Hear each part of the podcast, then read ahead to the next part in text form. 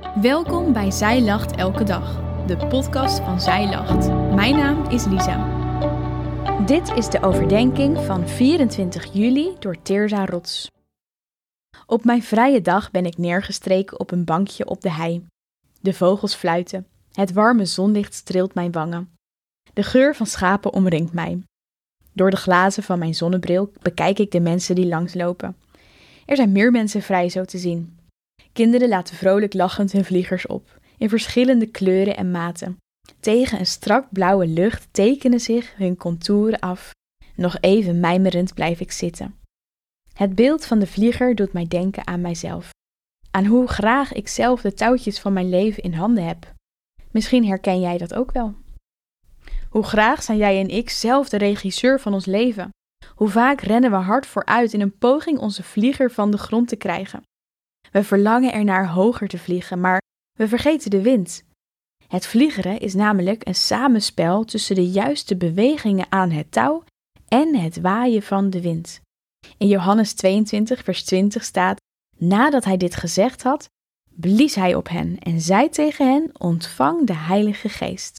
En in Handelingen 2, vers 1 tot 4 staat: En toen de dag van het Pinksterfeest vervuld werd, waren zij alle eensgezind bijeen. En plotseling kwam er uit de hemel een geluid als van een geweldige windvlaag, en dat vervulde heel het huis waar zij zaten.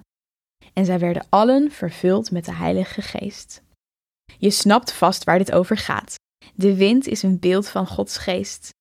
We kunnen de geest zelf niet zien, maar wel zijn uitwerking. In de Bijbel wordt hetzelfde woord gebruikt voor zowel geest als wind. Zoals de wind ongrijpbaar is, zo is Gods geest dat ook. De wind waait waarheen hij wil. Zo hebben we ook geen vat op Gods geest. We kunnen hem niet voorspellen of sturen. De Heilige Geest is en blijft een mysterie en is vrij om te doen wat hij wil.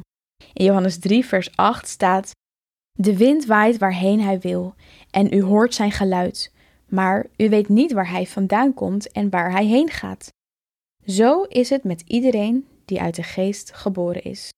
Ik vermoed dat veel christenvrouwen vaak op eigen kracht dit leven doorrennen, heftig trekkend aan het touw, vermoeid van de vele pogingen om hun levensvlieger in de lucht te houden. Steeds opnieuw duikelt hij weer naar de grond. Eenmaal op de grond sta je met man en macht te trekken om hem weer omhoog te krijgen. Toen onze kinderen jonger waren, vliegerden we soms aan het strand. De wind kon dan flink aan het touw trekken. Hoe mooi was het dan dat een van hen samen met papa de vlieger bestuurde. Als ze samen met papa aan de touwtjes trokken, ging het goed. De vlieger kon tijdenlang hoog aan de hemel blijven staan. Met als gevolg een blije papa en blije kinderen. Als je leert vliegeren, doe het dan samen met jouw hemelse vader. Hij weet als geen ander hoe jouw levensvlieger kan opstijgen.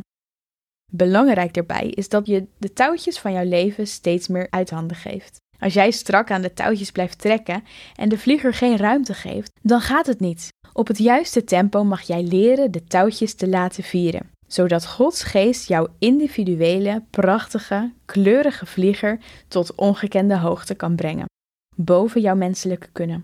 Je hoeft het niet op eigen kracht te doen. Stop met je pogingen om het zelf voor elkaar te krijgen.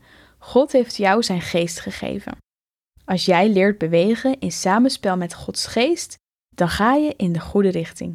Hoe meer je samen optrekt met jouw hemelse Vader, hoe meer jij leert bewegen in samenspel met Gods geest en hoe beter jij bestand bent tegen de stormen van het leven.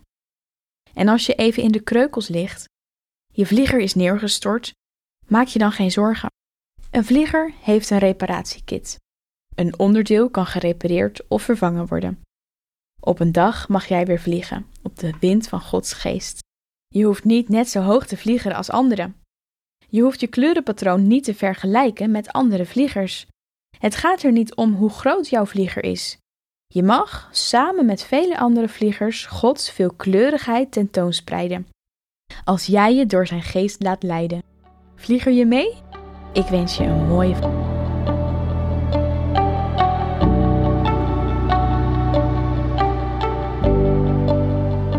Dankjewel dat je hebt geluisterd naar de overdenking van vandaag.